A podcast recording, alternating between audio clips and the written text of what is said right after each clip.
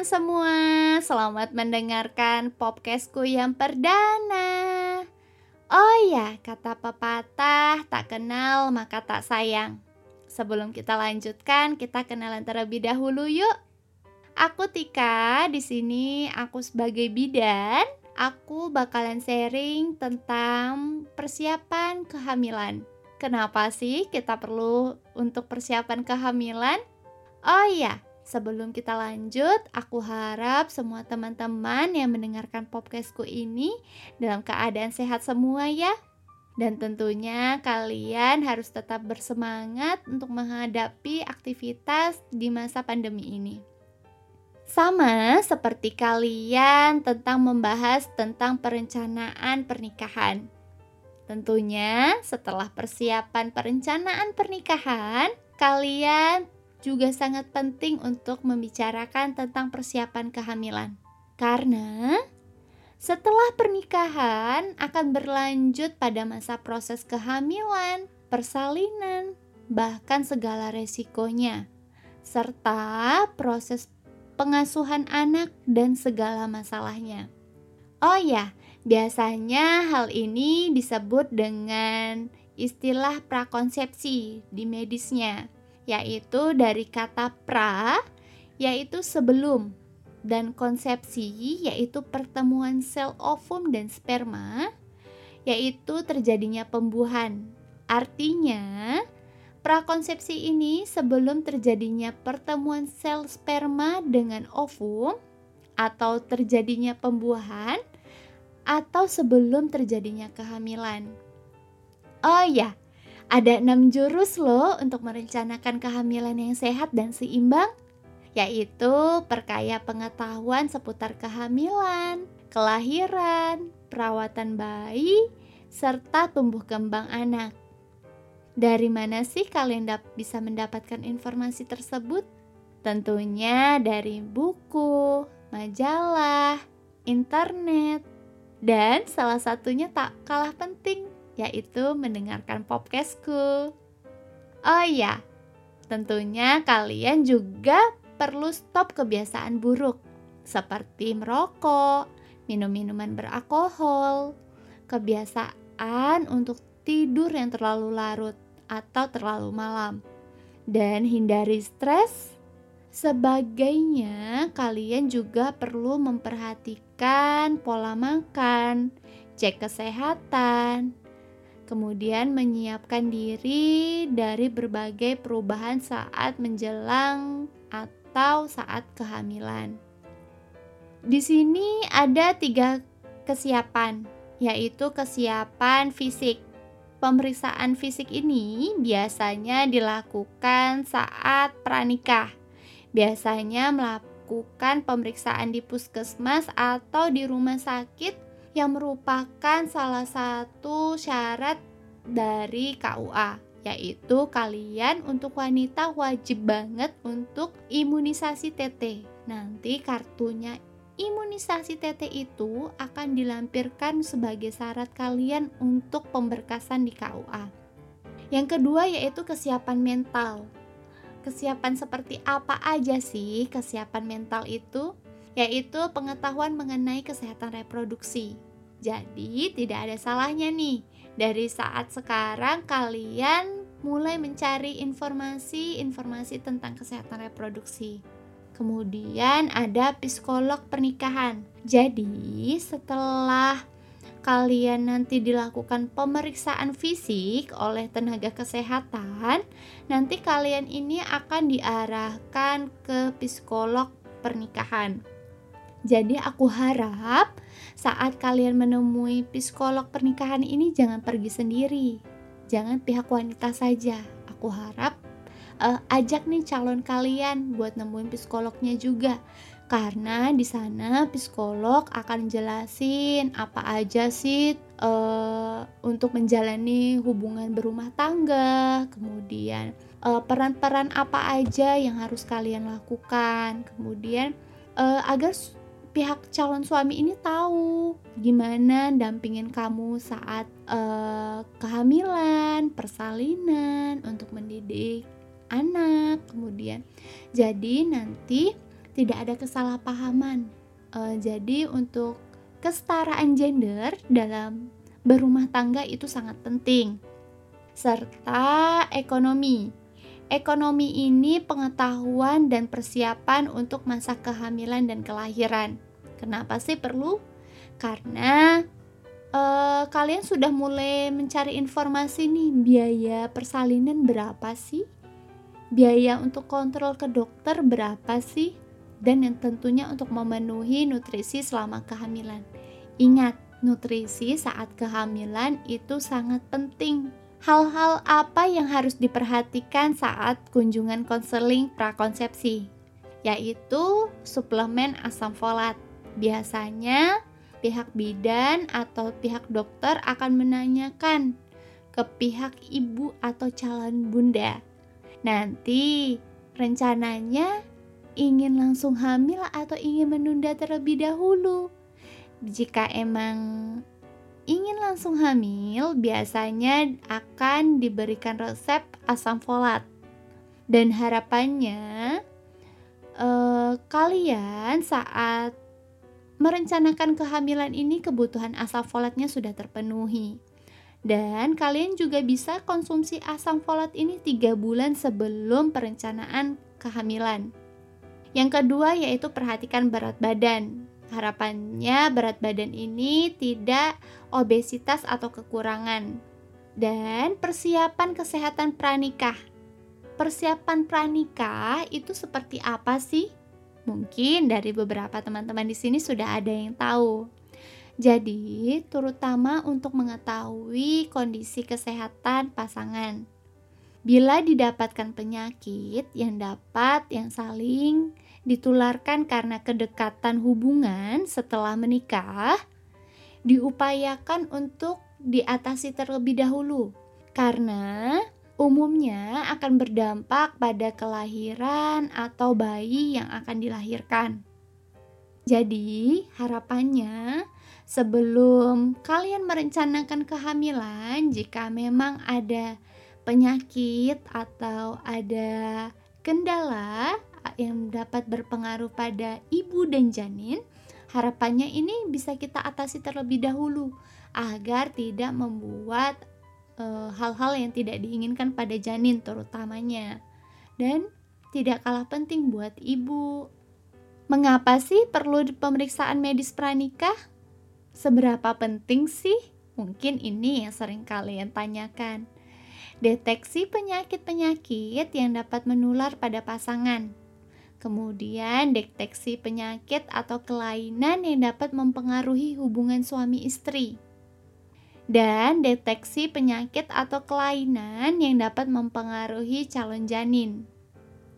Oh ya, definisi konseling pranikah ini merupakan serangkaian layanan yang didasarkan pada upaya preventif untuk membuat pria dan wanita untuk mempersiapkan kehamilan itu sendiri, yaitu eh, mengetahui riwayat sebelum rencana kehamilan mendiskusikan atau menentukan pengobatan riwayat penyakit sebelumnya dan untuk memodifikasi lifestyle. E, perencanaan kehamilan seperti apa aja sih yang perlu kalian persiapkan? Yang pertama, yaitu ideal bila dimulai sebelum menikah. Kemudian yang kedua, pasangan e, kapan pasangan kita siap untuk memiliki anak? ini perlu banget buat dibicarakan antara uh, kamu dengan calon suami. Kemudian yang ketiga, berapa jumlah anak yang perlu direncanakan? Kemudian yang keempat, berapa jarak waktu yang direncanakan antara kehamilan satu dengan kehamilan selanjutnya? Dan yang kelima yaitu pertimbangan sosial, ekonomi, psikologis, dan medis. Nah, dari persiapan kehamilan tersebut, ada yang uh, tidak bisa dilepas dari kata kesuburan. Kesuburan yaitu kemampuan atau pasangan yang memungkinkan terjadinya suatu kehamilan. Jadi, berbagai teknik pencegahan kehamilan atau kontrasepsi dapat membantu pasangan untuk merencanakan kapan waktu untuk yang tepat untuk memiliki anak, kemudian membatasi jumlah anak pada jumlah sesuai yang direncanakannya. Kemudian ini perlu dibicarakan eh, kedua belah pihak tentunya. Kemudian kondisi atau keadaan seperti apa sih yang dapat mempengaruhi kesehatan ibu hamil dan mempengaruhi terhadap janin. Jadi, kondisi seperti kekurangan gizi, kelebihan gizi atau obesitas. Kemudian keadaan yang mengalami darah tinggi atau hipertensi, kemudian kencing manis atau diabetes, kelainan ginjal, kelainan jantung pada paru termasuk penyakit asma, dan eh, seperti epilepsi, kelainan darah termasuk kekurangan darah atau anemia, kemudian gangguan faktor pembekuan darah, infeksi, bakteri, virus dan parasit seperti TBC, malaria, hepatitis B, dan HIV dan masih banyak lainnya. Dan banyak sekali anggapan-anggapan yang di luar sana yang salah bahwa perempuan yang pernah hamil dan pernah melahirkan dengan sendirinya akan selalu dan tetap sehat untuk hamil kembali itu hal yang salah karena proses kehamilan dan persalinan dapat menurunkan kondisi ibu. Ingat, kehamilan itu istimewa. Jadi, setiap kehamilan itu berbeda-beda, tidak bisa disamaratakan. Dan bertambahnya usia kehamilan ibu atau usianya ibu dengan berjalannya waktu dapat menurunkan kondisi kesehatan fisik seorang ibu. Jadi, semakin bertambahnya usia seorang ibu, ini faktor resikonya semakin tinggi. Ada yang dikenal dengan istilah uh, resiko tinggi untuk uh, menjalani atau mengalami kehamilan. Jadi, kalian juga harus mengetahui usia yang aman itu untuk hamil di usia berapa sampai berapa sih? Nah, mengapa perlu perencanaan kehamilan? Di sini nih, untuk mencegah kematian ibu dan bayi dan mencegah komplikasi penyakit pada kesehatan ibu dan bayi untuk mengoptimalkan proses dan perkembangan dari bayi hingga proses dewasanya nanti. Kenapa sih perlu perencanaan kehamilan semua ini? Apa penyebabnya jika tidak direncanakan? Karena penyebab kematian ibu yang paling utama yaitu terjadinya perdarahan saat kehamilan, persalinan, kemudian preeklamsi dan eklamsi dan infeksi tentunya. Perencanaan kehamilan ini dapat membantu mencapai sebagian dari tujuan asuhan antenatal. Persiapan perencanaan kehamilan ini, semua kehamilan harus direncanakan, baik antara kehamilan yang pertama maupun kedua, itu semuanya perlu direncanakan. Karena perencanaan kehamilan sebaiknya memperhatikan masalah, yaitu dari kesehatan ibu, usia ibu, jarak dengan kehamilan sebelumnya, kemudian jumlah kehamilan sesuai dengan kemampuan keluarga. Kesimpulan dari kita podcast pertama kali ini yaitu kita mengetahui nih kondisi kesehatan pasangan kita sebelum uh, kita menjalin berumah tangga kita sudah mengetahui nih penyakit-penyakit apa aja sih yang mungkin dapat membahayakan kita. Jadi dapat diatasi terlebih dahulu. dan menentukan kapan waktu yang tepat untuk hamil. Jadi, ini tuh bisa dibicarakan dengan pasangan kita.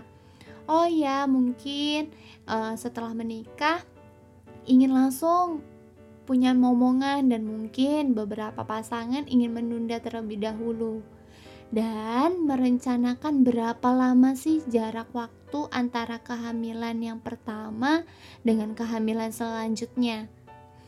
Dan untuk mengetahui berapa jumlah anak yang diinginkan tentunya.